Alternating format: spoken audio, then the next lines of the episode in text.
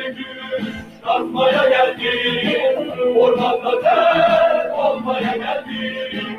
Beşiktaş seninle ölmeye geldik. Beşiktaş. Beyaz Nokta'dan herkese merhabalar. 8. bölümde karşınızdayız. Bu hafta da yine Mert'le birlikte şampiyon Beşiktaş'ı ve milli takım kadro tercihleri üzerine yorumlarımızı yapacağız. Nasılsın Mert? Selamlar Kemal. Ee, gayet iyiyim. Ee, nihayet Süper Lig'de şampiyonluk düğümü çözüldü. Beşiktaş'ın şampiyonluğunu e, kutluyoruz. Tüm Beşiktaşlılara hayırlı uğurlu olsun. Uzun bir sonrası ara verdikleri şampiyonluğa Sergen Yalçın'la devam ediyorlar. Ee, şimdiden e, gelecek yılın e, heyecanı da sarmıştır. Önce hocayı sonra da oyuncuları ama önce bu yılın tadını çıkarmak lazım. E, çok uzun bir lig maratonu oldu. E, yani 21 takımlı bir lig Türkiye'de ilk kez oynandı. Yani 3 günde bir maç trafiğiyle e, sezonu geçirdiler ve Beşiktaş bunu çok kısıtlı kadroyla yaptı e, rotasyon dahil yaklaşık e, 15 kişilik bir e, oyuncu topluluğuyla e, direkt oynayabilecek düzeydeki oyuncu topluluğuyla Süper Lig'de e, 40 haftayı geride bırakıp şampiyon olmak gerçekten hiç kolay değil. Bu anlamda e, ben yine aslan payının Sergen Yalçın'da olduğunu düşünüyorum. Önce Sergen Yalçın'ın e, sonra tüm e, oyuncuları e, kutlamak lazım. Gerçekten e, yani zaman zaman e, çok inandırdılar. E, açık ara Beşiktaş lider bitirecek e, izlenimi oluştu. Ligin son düzlüğünde çok fazla puan kaybettiler. Sürpriz puanlar kaybettiler. E, geriden gelen avantajlıdır. Acaba şampiyonluk Galatasaray'a mı dönüyor e, gibi bir yaklaşım hepimizde oldu. Ama e, Sergen Yalçın son maçta Göztepe'yi de deplasmanda yenerek e, takımını e, gemi limana yanaştırdı diyelim. Şampiyonluğa ulaştılar diyelim. Bu anlamda dediğim gibi tüm Beşiktaş camiasını e, tebrik ederiz. E, tüm futbol severler için de e, güzel bir lig oldu. Fenerbahçe'nin bile son haftaya şampiyonluk şansıyla girdiği yani üçüncü olduğu için bunu söylüyorum. Ee, şu anda lige baktığımız zaman pozisyonu garanti olan tek takım neredeyse Trabzonspor'da. Onun dışında sıralamanın değişebileceği, sıralamaya bağlı olarak e, takımların alacağı paylar değişebiliyor. E, yani kendi içinde lig sıralamasında da üstlerde olabilmenin çok ciddi avantajları olduğundan herkesin son dakikaya kadar bir mücadelenin içinde kaldığı bir maratonu sonlandırdık. E, yani maç detayında konuşmaya geçebiliriz istersen. Aynen. Ee, Beşiktaş sezon boyunca e, diğer takımlara göre hem Galatasaray hem de Fenerbahçe'ye göre oyunu daha istikrarlı olan bir takımdı ve bence şampiyonluğun en önemli etmeni buydu. Takım istikrarı, oyun istikrarı ve zaten bunu sağladığınızda yani Süper Lig zaten çok aman aman da bir zor bir lig olmadığı için bence e, bu iki istikrarı sağladığınız takdirde özellikle e, şampiyonluk kaçınılmaz oluyor. Çok ekstrem durumlar olmadığı sürece ki bu sezon Beşiktaş'ta e, ilk 11'ini sayın desek hani herkes ezberi neredeyse 8-9 oyuncuyu sayabilirdi. E, bu çok önemli bir şey. Mesela bu Fenerbahçe ve Galatasaray'da sezon boyunca olmadı. E, bunlar önemli şeyler tabii. E, maça ge- geçelim. E, maçta da ben şunu söyleyeyim başta. Yani Beşiktaş maçı etkili başladı evet ama Göztepe de bence e, maçın ilk yarısında e, oldukça diri kaldı bence Beşiktaş'a karşı. Fizik olarak da e, oyun oyuna cevap olarak da öyle söyleyeyim. Ve skoru denge getirdiler. Yani ilk yarı 1-1 de bitirdiler. E, hatta 2-1 e, dahi e, Göztepe öne geçebilirdi. Çünkü Göztepe çok kritik pozisyonlar da kaçırdı. İşte direğe çarpan toplar vesaire. Ama maçın yaklaşık 55. dakikasından sonra e, yani son yarım saatlik dilimde e, Göztepe'li oyunculara bir maçı bırakma demeyeyim ama e, çekilme başladı. Yani o güç e, yavaş yavaş erimeye başladı ve sonrasında da malum e, penaltı pozisyonu ve Gezal'ın penaltısıyla 2-1'e geçti Beşiktaş ve geri kalan dakikalarda skoru korudu ve şampiyon oldu. E, sen nasıl gördün maçı? Ee, ya maça geçmeden senin şu yorumuna kesinlikle katılıyorum. Bence de Beşiktaş'ı bu sene şampiyon yapan şey her ne kadar kısıtlı kadrosu olsa da kadro istikrarı. E, ligde kadro istikrarını e, 21 takımın içinde en iyi e, sağlayabilen takımdı Beşiktaş. ezbere bir ilk 11 sayabiliyorduk. Kimin çıkıp yerine kimin gireceği gireceği bile çok belliydi. Yani e, çok standart bir sezon geçirdiler. İnişleri çıkışları olmayan yani oyuncuların arasında pozisyonlar e, içerisinde söylüyorum bunu. Yani Sergen Yalçın bir arayış içine girmedi. Orta saha oyuncusunu alıp stoper oynatmaya kalkmadı. İşte sağ bekten sol bek yaratmadı. Sağ açığı alıp yani mecbur kalmadığı sürece takımla bu tarz oynamalar yapmadı ve herkes rolünü, görevini, sorumluluğunu sağındaki, solundaki, önündeki, arkasındaki oyuncuları çok iyi bilerek e, oyun oynadığı için de e, Beşiktaş bir istikrar yakaladı. Bir oyun istikrarı yakaladı. E, bu da başarıyı getirdiğini düşünüyorum. Göztepe maçına geçecek olursak ilk yarı Göztepe oldukça diri ve etkiliydi. E, daha fazla gol de bulabilirdi. Ama Göztepe'nin de Ünal Hoca sonrası e, bence standart olarak yaşadığı bir durum kırılgan oyun yapısı. Beş, e, yani 55. dakikadan sonra evet Göztepe bir nebze olsun e, daha skoru koruma e, içgüdüsüyle hareketli ya da gol arayışı içerisinde çok fazla olmadı ama bunu sezon boyunca ör, boyunca örneklerini de gördük. 3-0'dan geri geldik e, rakibe maç verdikleri durumlar da oldu. İşte 2-0'dan e, rakibin geri gelmesine izin verdikleri durumlar da oldu. Ee, öne geçtiği zaman Galatasaray'a da keza öyle e, maçın başında öne geçip skoru koruyamayıp e, yenildiler. E, Göztepe'nin bu sezon yaşadığı olayların e, kırıl e, yorumlarsak zaten bu tarz kırılmaları çok fazla, bu tarz hikayeyi çok fazla barındırdıkları bir sezondu. E, ilk yarı oldukça diri ve etkiliydiler. Beşiktaş'ın puan almasının da oldukça zor olduğunu düşünenlerden biriydim açıkçası ilk yarıyı izledikten sonra ama İkinci yarı aynı etkinliği e, Göztepe'de göremedik. Yani belki biraz skoru koruma içgüdüsü. E, ya bir de aslında e, bu tarz takımlara şimdi Avrupa'da da benzerlerini görüyoruz. İddiası olmayan takımları iddialı bir hale getirip bu tarz maçlara çok fazla sorumluluk yüklemek de çok mümkün değil. Ee, onunla birlikte Beşiktaş e, baskıyı arttırdı. Rakip yarı alana yerleşti. Top sürekli Beşiktaş'ın ayağındaydı ve buldukları bir penaltı pozisyonu e, sonrasında da gelen golle e, Göztepe'den 3 puanla döndüler. Beşiktaş adına kolay oldu mu? Çok kolay olmadı. Kaçırdığı pozisyonlar var ama e, çok rahat bir galibiyet aldığını söyleyemeyeceğim. Hmm, burada Göztepe'nin de e, dediğim gibi bence önümüzdeki yıl e, neyi değiştirmeli Ünal Hoca diye bakarsak önce e, takım savunmasını oturtturmalı ve Göztepe e, daha dayanıklı bir takım haline gelmeli. E, yani skoru tutmayı bilen çünkü Göztepe'nin etkili hücumcuları var ve çok iyi duran top e, kullanıyorlar ya da duran toptan gol buluyorlar diyeyim e, etkili kullanıyorların yanı sıra. E, bunu e, bir de etkili bir savunma ve e, oyuna tutunabilmeyi e, dahil ederlerse Göztepe de seneye e, ligin dişli takımlarından biri olacaktır diye düşünüyorum ben. E, Sergen Yalçın özelinde e, maça değinecek olursam da e, hoca çok beklenen bir 11 ile çıktı. E, yani yine santrafor e, pozisyonunda Abubakar ve Cenk'ten sonra üçüncü alternatif olarak düşünülen Larin'le başladı. E, ama Larin de artık e, son birkaç haftadır o bölgede oynuyor yine belli bir etkinlik e, yaratmaya başladı. Bence o da e, yavaş yavaş o pozisyonun e, hakkını verme çabası içerisine girmişti. E, ligde biraz daha e, devam edebilseydik ilerleyen haftalarda daha iyi bir e, merkez santrafor performansı Larin'den de görebilirdik bence. E, o da alışmıştı çünkü o bölgede oynamaya. E, önümüzdeki yıl bakalım nasıl olacak? E, yine e, sağ, sol ön olarak mı değerlendirecek Sergen Hoca yoksa merkez santrafor alternatifi mi yaratacak? E, sıkça konuşulan bir konu var. Abubakar'ın bilerek oynanmadığı söyleniyor.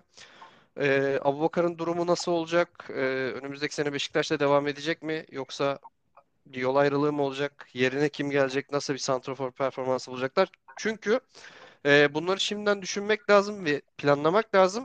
E, Şampiyonlar Ligi'nden bahsettiğimizde e, durum gerçekten Türkiye'deki gibi değil.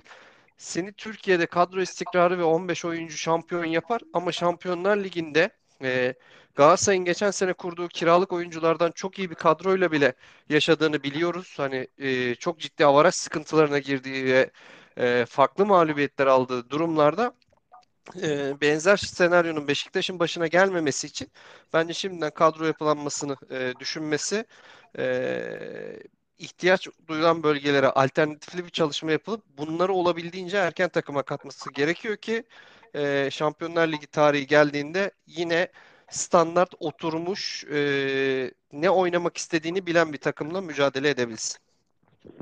Yani evet Beşiktaş'ın mevcut kadrosu evet şampiyonluk için iyiydi ama e, Şampiyonlar Ligi için en az 4-5 tane çok iyi oyuncuya ihtiyaçları var. Ki bu şu için söylüyorum tabii. Hani Gezal'ı, Rozier'i takımda tuttuğunu varsayarak söylüyorum bunları. Eğer bunlar da olmazsa Beşiktaş'ın Şampiyonlar Ligi'nde işi çok daha zorlaşır diye düşünüyorum. Ee, onun Gezal dışında üzerinde e, bir araya gireceğim. E, ya sanki bonservisiyle vermek istiyor ve bonservis bedelini karşılayan bir takıma göndermek istiyor gibi Leicester'ın bir e, şey yaklaşımı varmış zan- zannediyorum. evet Beşiktaş Lyon'un Gezal'ın e. Lyon'un istediği yönde dış basında haberlerde vardı.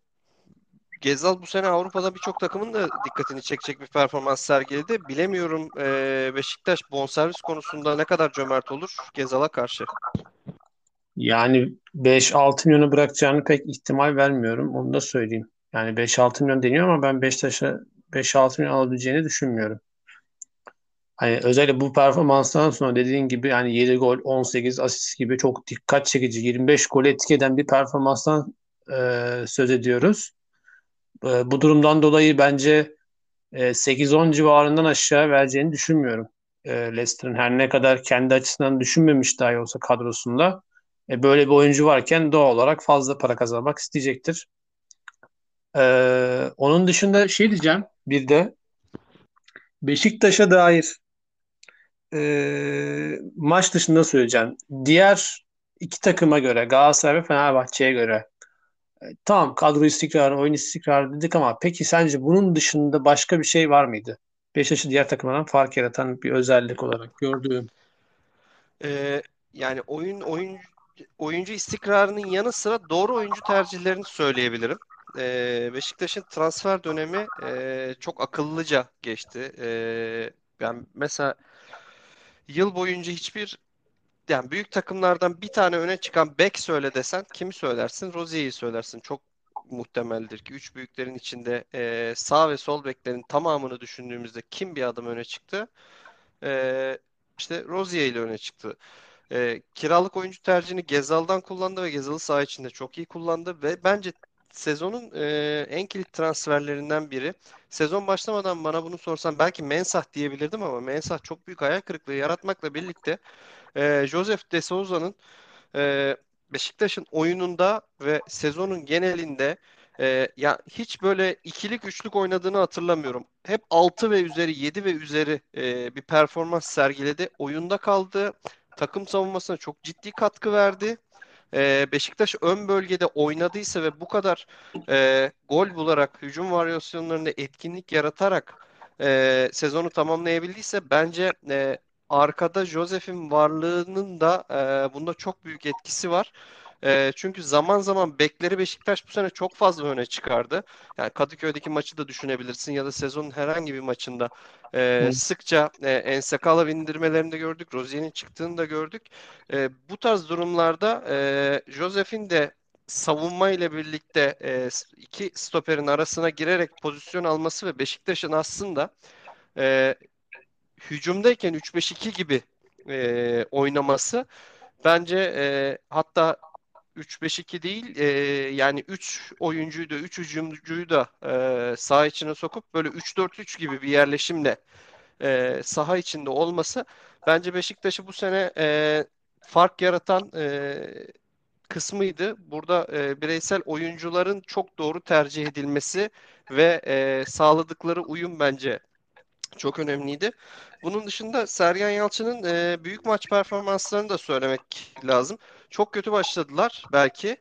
E, yani ligin başında çok basit puanlar kaybettiler ama Beşiktaş kilit yerlerde maçları kazanmasını bildi.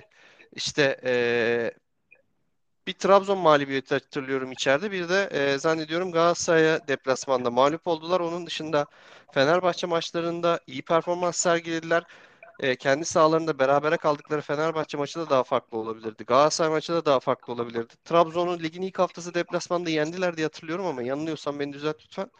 E, yani bu performansta e, Beşiktaş'ın Sergen Yalçın'ın özellikle büyük maçlara iyi hazırlanıp buralarda e, ayakta kalması da Beşiktaş'a e, çok ciddi bir özgüven kazandırdı. Özellikle Kadıköy'de yıllar sonra gelen e, yine 4-3'lük bir galibiyet e, dikkatleri biraz daha Beşiktaş'ın üzerine e, çekti ve e, Beşiktaş'ta oyuncularda da çok ciddi bir özgüven oluştu.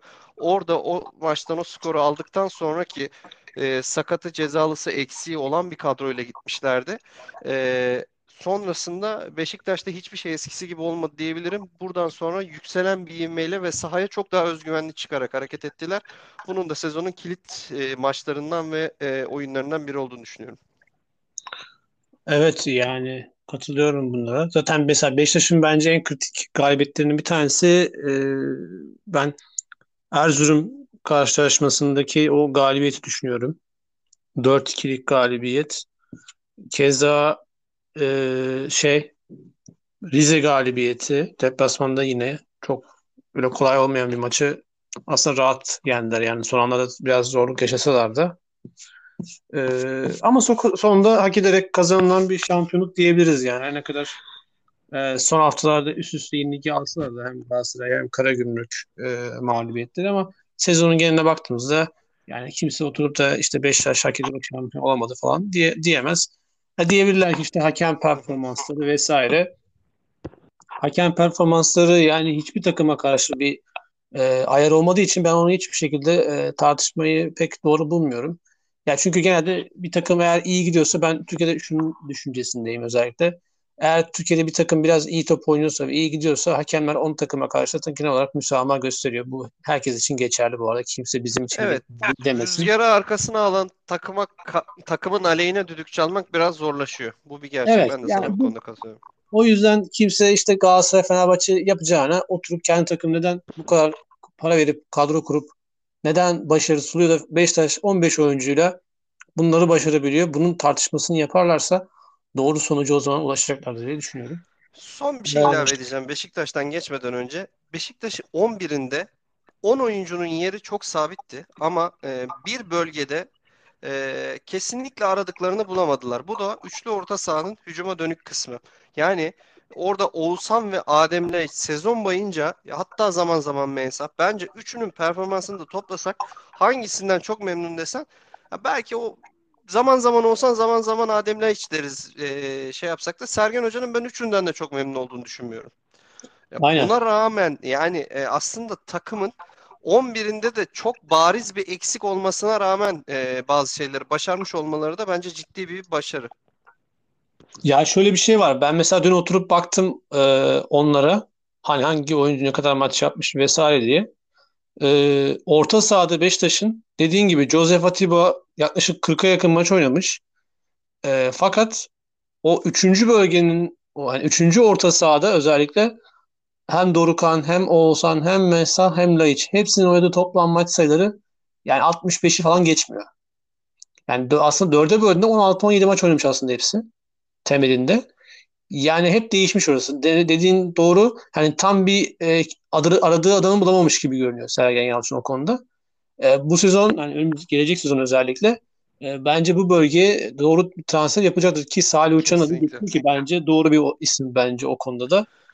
E, ben yavaştan Beşiktaş'ı kapatalım. Hatta Süper Lig'de ben Galatasaray Fenerbahçe'yi konuşmayı dahi düşünmüyorum. Ben zaten kaybedilmiş. Bu arada Beşiktaş'ın çifte kupayla ligi kapatma ihtimali de var. Salı akşamında heyecanla beklediğimi söylemek istiyorum. Belki Sergen Yalçın e, tarihe geçecek bir adım çift kupalı bir sezonda yaratabilir. Aynen öyle. Yani çok büyük bir iş başarabilir ki e, yaptıkları zaten çok büyük başarı ki dün hatta e, Beyaz TV'ye bağlandı. E, şampiyon olmak cidden zormuş abi ya falan dedi. Yani kolay değil tabii. Futbolcuyken başardığı şeyi teknik direktör olarak başarması çok büyük bir şey. Tebrik ederiz.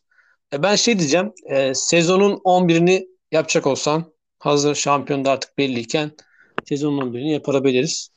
E, kaleye kimi koyarsın? Kaleden başlayalım. Ben tek tek sorayım. Ben de kendi kadromu söyleyeyim. Kaleye Altay'ı koyarım. Altay mı diyorsun? Ben de Hı hı. ikisi, yani Uğurcan'la ikisi arasında kalmıştım. Yani kim olsa da sorun değil. Ben de Altay diyeyim. Hadi bozmayayım seni. 4-3-3 mü oynayacağız bu arada? 4-4-2 gibi mi bir takım düşünüyorsun? Ona göre söyleyeceğim oyuncularımı.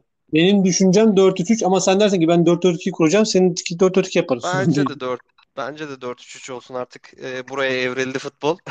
Aynen. E, Sağda tartışmasız Rozier diye düşünüyorum. Yani ben de e, kesinlikle açık ara Rozier diyorum buraya. Ee, stoper ikilisi ben Vida Marcao diyorum. Ya ben de aslında ikisi de sol stoper olmasa Marcao Zalai diye demek istiyorum. Ama e, iki tane sol stoper olma yani koymak istemediğimden e, sana eşlik edeyim. Ben de Vida Marcao diyorum. Zalai'yi yarım sezon izledik çünkü. Ee, solda ben tercihimi Caner'den yana kullanıyorum. Sol bekte. Her ne kadar defansif yönü eleştirsek de 12 asist çok ciddi e, bir sayı. E, bir bek Kesinlikle için. Caner. Bence de Caner. Hatta ben milli takımda da Caner diyordum ama olmadı. Ee, orta sahada e, benim ikili orta saha önde direkt şey Joseph Atiba önünde. Onun Ya ben oraya üçlü söyleyeyim istersen. Söyle. Joseph Atiba, Getson diyorum ben. Ben oraya Joseph Atiba Tayland demeyi düşünüyordum ama e, sorun değil. Gaston da olur. Zaten ikinci Ya da oyunda. ya aslında Tayland Tayland çok ekstra işler yaptı ve bir sezon geçirdi ama hani e, şampiyon takımın oturan e, oyuncuların hakkını da vermek gerekiyor. Şimdi o bölgede mesela Ozan Tufan'ı ilk etapta aklıma gelmedi ama Ozan Tufan'ı söylememek de bence biraz haksızlık. Yani e, hatta şöyle bile Joseph Atiba'yı tamam e, hakkını teslim edelim ama bireysel performansta tek başına öne çıkma ve takımı ayakta tutma olarak baktığımızda bence orada Taylan, Getson, e, Ozan gibi de bir e, üç oyuncu düşünebiliriz. Aynen yani o Tayland Getson Ozan'ı o zaman üçüncü tercih olarak artık kim kendince şey yaparsa e, onu uygun görebilir diyelim o zaman. Orada üçüncü tercihte üç tane hakkımız var. Orada eşit dağıldı. E, ileri hatta e, Larin, Gezal e, ve ben Gradel diye düşünüyorum. İleri attım.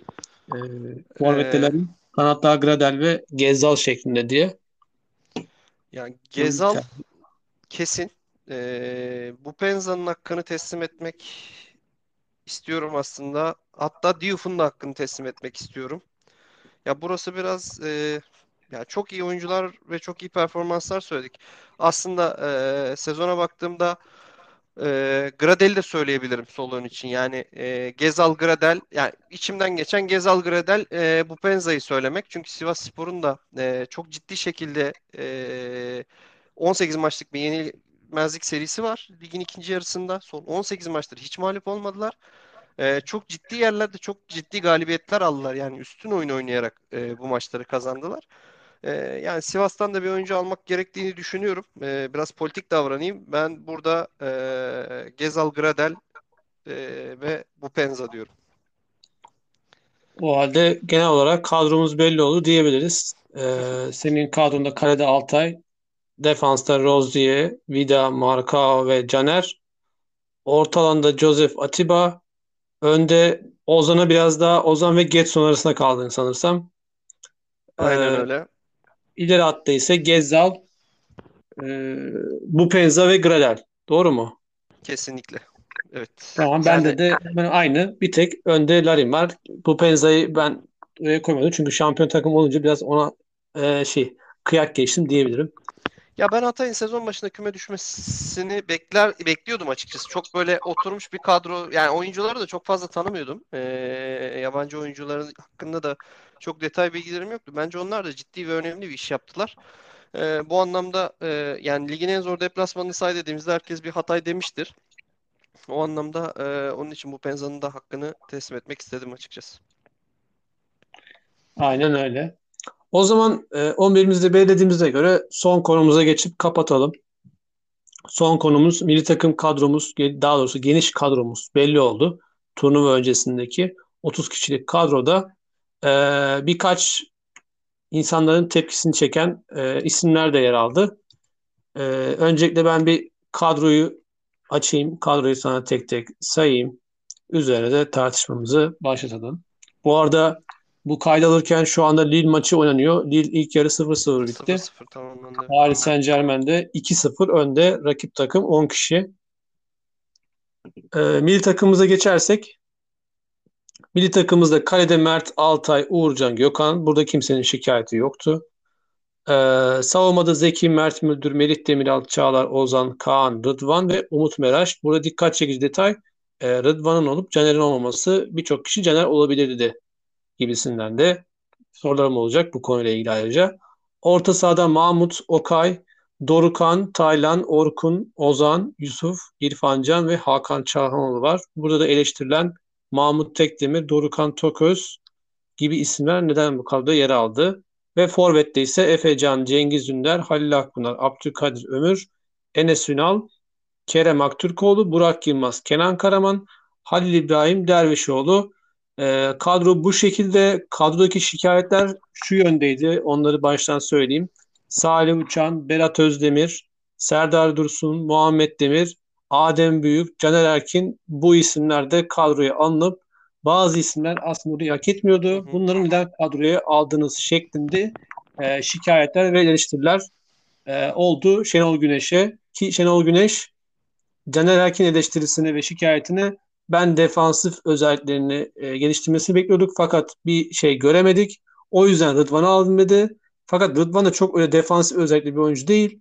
Ben tamamıyla artık e, yeni bir e, jenerasyon var burada. Onu değerlendirmek istiyorum. Eski isimleri pek fazla burada bulundurmak istemiyorum şeklinde algıladım. Neler diyeceksin kadroyla ilgili? Ya, e, kaleci kısmında çok fazla söyleyecek söz yok. E, Altay'ın talihsiz bir sakatlığı oldu. E, yani keşke o da olmasaydı. Hatta birinci kaleci Uğurcan mı Altay mı konusunda da bir e, ciddi tartışmamız olabilirdi. Burayı hızlı geçiyorum. Ben de Rıdvan konusunda Şenol Hoca'nın söylediklerine kesinlikle katılmıyorum. Ee, Rıdvan'ın sezon boyunca gösterdiği performansı takdir ediyorum. Genç bir oyuncu ilk yani daha önceden de süre almıştı ama Süper Lig'de ilk kez bu kadar e, kendini gösterebilecek süreleri alıp e, ciddi sorumluluk üstlendiği sezonda başarılı olduğunu düşünüyorum. Ama milli takım seviyesinde de bulmuyorum. Bunu çok net sana söyleyebilirim. Hatta e, yani burada benim birinci tercihim yani Umut'u yani Umut Meraş'ı elbette e, alması konusunda hemfikirim. E, Caner Erkin'i kesinlikle bekliyordum. Caner Erkin çünkü bu sezon az önce belirttiğin gibi yani 12-13 tane asist katkısı yapmış bir oyuncu. Ciddi korner duran toplarda etkinlik yaratabilecek bir oyuncu. Yani hamle oyuncusu olabilecek düzeyde bir oyuncu Caner. Özellikle skor ihtiyacının olduğu anlarda e, rakip yarı alanda oynamaya başladığın anlarda ki bizim böyle maçlara ihtiyacımız olabilir. Skor olarak geriye düşüp çevirmek zorunda olduğumuz maçlar olabilir. Bu tarz maçlarda Caner Erkin gibi bir oyuncunun kadroda olmasının e, çok ciddi bir ihtiyaç olduğunu, elzem olduğunu düşünüyorum. E, bu anlamda kesinlikle Caner Erkin'i beklerdim. E, sezon boyunca Şenol Hoca aslında Ömer Bayram'ı da sürekli milli takım e, kadrosunda tutmuştu. Ömer'i e, çok e, beğendiğimden falan değil ama ee, yine yani Ömer bile Rıdvan olmayıp Ömer olsa daha benim için anlaşılır olurdu öyle söyleyeyim. Yani ora formanın birinci adayının Umut Meraş olduğunu düşünürsek e, yani asist katkısı olarak Caner'in kesinlikle olması gerektiğini düşünüyorum. E, birden fazla mevkide oynayabilir olması nedeniyle ki son ligin son düzlüğünde ya da önemli yerlerde ondan da ciddi bir asist katkısı aldı Galatasaray. Yani Ömer bile kadroda düşünülebilirdi. Orta sahaya gelecek olursam e, ya Orkun Kökçü'yü acaba diyorum turnuvaya götürmeyecek de böyle bir kamp bu havayı yaşasın gelecekte bizim e, potansiyel oyuncularımızdan biri olabilir diye mi aldı e, düşüncesine sahibim. Ama e, burada Mahmut'un çok iyi bir sezon geçirmediğini düşünüyorum. Ve e, oyun temposunun giderek düştüğünü düşünüyorum. E, turnuvada direkt oynayacak oyuncularımızdan biri Mahmut olur mu? Tamam hakkını teslim etmek lazım. Zor zamanlarda özellikle Fransa maçlarında falan çok ciddi Mahmut katkısı aldık biz. Ama e, turnuva için benim öncelikli adaylarımdan biri Mahmut olur muydu? Olmazdı. Burada e, Mahmut konusunda bir soru işaretim var. E, yani bunun dışında e, orta saha olarak alınabilecek bence yani Berat'ın da ben tam bu e, kapsama girebileceğini düşünmüyorum ama yani daha etkili oyuncularımız var mıydı? Bence vardı. Ee, yani Şenol Güneş'in burada biraz kimlerle oynamak istediğini e, düşüncesine saygı duymak istiyorum. E, hoca elbette bir kafasında oynamıştır maçları. Rakiplere göre belli anlarda kimlere ne kadar forma şansı verebileceğini bile önden bir düşünmüştür. Yani burada e, itirazım açıkçası isim anlamında ne Taylan'a ne Hakan'a, Ozan'a işte bakıyorum Okan, İrfan Can, Dorukan e, bu isimlerin hiçbirine e, doğrudan bir eleştirim yok. Bu isimlerin e, Dorukhan'ın da iyi bir sezon geçirmediğini düşünüyorum. Burada e, Orkun Kökçü'nün e, turnuvaya götürüleceğini düşünmüyorum. Onun dışında Mahmut'un da performansının e, milli takım seviyesinde olduğunu düşünmüyorum bu sezon. Ama hoca bu oyuncularla bir sistem kurmak düşüncesindeyse ki Şenol Güneş'in zaman zaman kimsenin beklemediği oyuncularla kurduğu oyunlar vardır. E, yani buna saygı duymak gerekiyor diye düşünüyorum bu anlamda. Ya şöyle bir durum var. Hani ilk başta ya ben mesela Caner'i çok beğenen bir insan değilim. Çünkü çok ofansif katkısı belki 10 üzerinden 8'lik bir oyuncu ama defansif katkısı da tam tersi 10 üzerinden 3'lük bir oyuncu. O yönden sıkıntılı, sıkıntılar yaratabilen bir isim. Ee, Rıdvan'ı tercihini ben çok da eleştirmiyorum. Çünkü ben ben artık yani o konuda değişmesi gerektiğini düşünüyorum bazı şeylerin. Ee, ve şu da var. Ben Caner'i almamasını bir yandan da şöyle doğru buldum. Ee, Caner orada olsaydı yani şu grupta olası bir olumsuzluk durumunda net söylüyorum ortalığı karıştırabilecek bir insan abi. Bunu Fenerbahçe'de de görüyoruz. Ee, zaten daha yeni atlatmışken bazı durumlarda yeniden hortlatmanın da manası yok diye düşünüyorum. O yüzden e, o grupta sadece bir tek Burak var eskilerden. Ee, ve daha fazla insan olmaması en güzeli. Çoğaltmaya da gerek yok. Eski tayfayı yeniden birleştirmeye gerek yok. Ee, onun dışında ben orta sahada Dorukhan tercihi tamamıyla ben Beşiktaşlılığına veriyorum. Şenol Güneş'in başka hiçbir manası yok. Çünkü sezon boyunca Beşiktaş'ta bir istikrarı sağlayamamış. Ee, 12-13 maçta sadece 11 çıkmış bir futbolcunun milli takımda Euro 2020 gibi çok ciddi bir organizasyona dahil edilmesi ve Salih Uçan'ın alınmaması onun yerine Ya Fransa maçının hatırı mı dedim acaba ben ya? Orada çok etkili Yani- bir Dorukhan performansı izlemiştik ya sakatlık öncesi. bilmiyorum ben o konuda biraz e, Beşiktaşlılık eyyamı diyorum. E, keza Mahmut yani mesela Mahmut yerine birçok oyuncu alınabilirdi o bölgeye. Mesela Hakan Arslan var Sivasspor'dan. Ne bileyim Trabzonspor'dan Berat var. Her ne kadar son zamanlarda biraz performansı düşmüş olsa da. E, ama dediğin gibi belki de bir oyun planlıyor. O yüzden böyle aldı. E, ve ben Forvet'te yani Enes Ünal kadar bu ülkede e, gereğinden fazla değer verilen bir oyuncu hatırlamıyorum. 17 yaşından beri milli takıma çağırıyor. Gereğinden Ya şu- fazla şans verilen de aynı zamanda. Yani sadece değer Evet. değil, çok fazla da değerin karşılığının fazlasında da şans buldu. 23-24 yaşına geldi neredeyse bu adam ve hala istenilen patlamayı hala yapacak diye bekliyoruz. Yani bence onun yerine Muhammed Demir, Adem Büyük ki dün Adem Büyük yine gol attı. Yani bu çocukların yer alması daha mantıklı olduğu düşünüyorum. Ve keza onu şunu da söyleyeyim Cengiz Ünder abi. Cengiz Ünder takımında oynamıyor Cengiz. Ve biz onu kadroya aldık. Yani ben tamam Cengiz hakikaten yaratıcı bir oyuncu çıkar sahneye iki, bir şut çeker bir, bir ara top atar hani gol attırır maç kazandırabilir ama yani turnuvaya gideceksek abi bence sezon boyunca belli bir standartın üstüne çıkmış isimlerin turnuva kadrosunda yer alması gerektiğini düşünüyorum. Bir iki tane sürpriz olabilir ama e, nereden baksan 4-5 tane sürpriz isim saydık burada.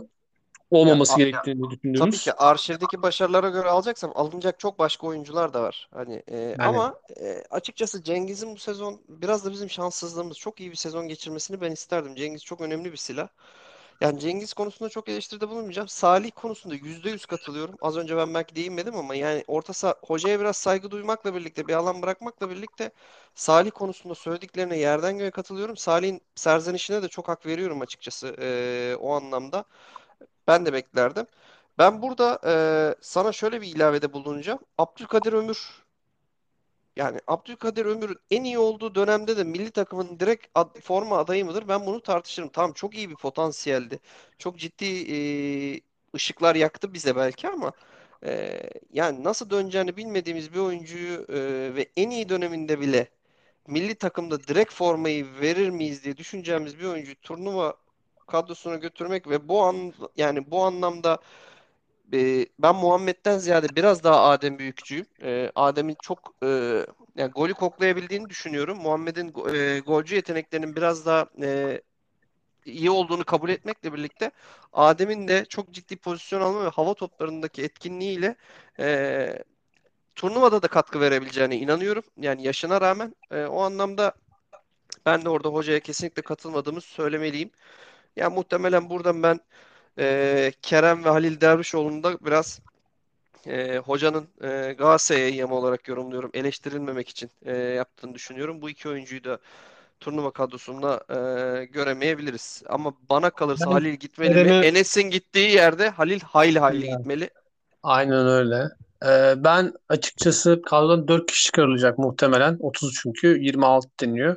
Hani sakatlık falan olmadığı takdirde e, ben şey adına orta sahadan Dorukhan'ın kalabileceğini ama bence Mahmut'un çıkacağını düşünüyorum bu arada onu söyleyeyim. Çünkü Ozan var. Okay var. Bence oraya bir şekilde götürdüler Başakşehir yani. orta sahasını tamam geçen sene şampiyon oldular ama Başakşehir orta sahasının bu sene e, takımın en yumuşak karnı olduğunu herkes söyleyebilir bence. Tam gol sıkıntısı yaşadılar ama topu 3. bölgeye taşımada zaten çok ciddi sıkıntı yaşadılar. Yani Aynen. Mahmut konusunu ben anlayamıyorum. Çok az gol yiyen bir takım da değil. E, yani Aykut Kocaman geldikten sonra son haftalarda bazı toparlamalar oldular ama yani Mahmut'un oynayıp bu sezon Başakşehir'in çok çok kötü performans gösterdiği birçok maçı da sayabiliriz. Ben de burada hocanın tercihini görünce biraz şaşırdım açıkçası.